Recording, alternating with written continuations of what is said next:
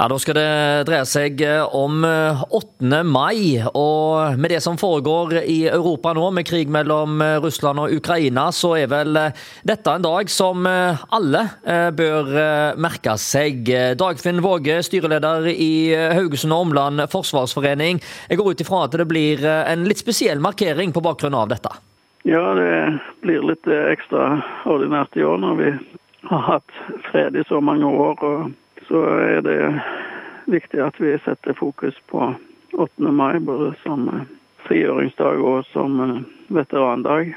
Ja, for vi tar gjerne friheten som en selvfølge, eh, og det skal vi ikke gjøre? Ja, det er det vi har gjort siden den kalde krigen var over. og Jeg husker selv på den siste rettøvelse så ble det sagt fiende etterlyses. Og nå ser det ut som Russland er mer krigersk enn vi trodde og håpte. Ja, eh, dessverre så dukker det jo opp eh, despoter fra tid til annen eh, som har ambisjoner, og i dette tilfellet da om å breie om seg og invadere naboland. og Det for enhver pris, nær sagt. og Da er det mange menneskeliv som går tapt. Det er vel flere titalls tusen mennesker som allerede er drept i denne invasjonen av Ukraina. Det er jo scener vi får se her fra nyhetsbyråene og på TV som er helt forferdelige. Og, og det er klart at for mange som har gjerne opp opplevd eh, deler av andre verdenskrig som fortsatte med oss. Eh, det må jo gå frysninger ned i ryggen på folk når en eh, ser hva som skjer nå?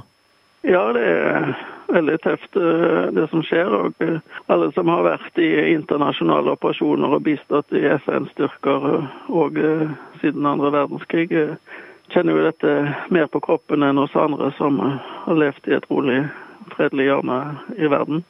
Ja, Vi har jo hatt eh, ting som skjedde da i Serbia, Kosovo og og Albania. og Der er det jo fortsatt uh, litt sånt stridende interesser. men som vi har vært inne på, det er jo for det meste fred og fordragelighet. Og vi har jo hatt en veldig velstandsøkning på bakgrunn av den freden en har greid å, å skape alle disse årene. og Nå ser en jo òg på de økonomiske konjunkturene at her får vi utfordringer. Krig er en elendighet, ikke bare for de landene som rammes, men òg for omgivelsene?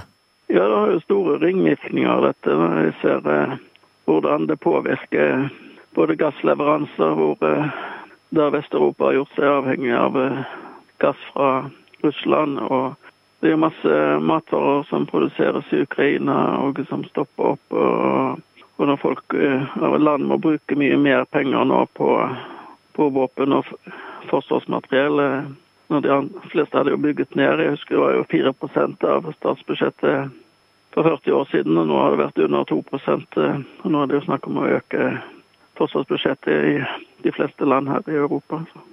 Ja, og da blir det omprioriteringer, og det er andre ting vi bruker mindre penger på. så Sånn sett så får det direkte da konsekvenser for alle menneskers eh, liv i eh, Europa. Og vi skal også huske at her er det en eh, enorm flyktningkatastrofe. Altså Det er jo millionervis av mennesker som nå er på, på flukt, og mange er kommet til Norge.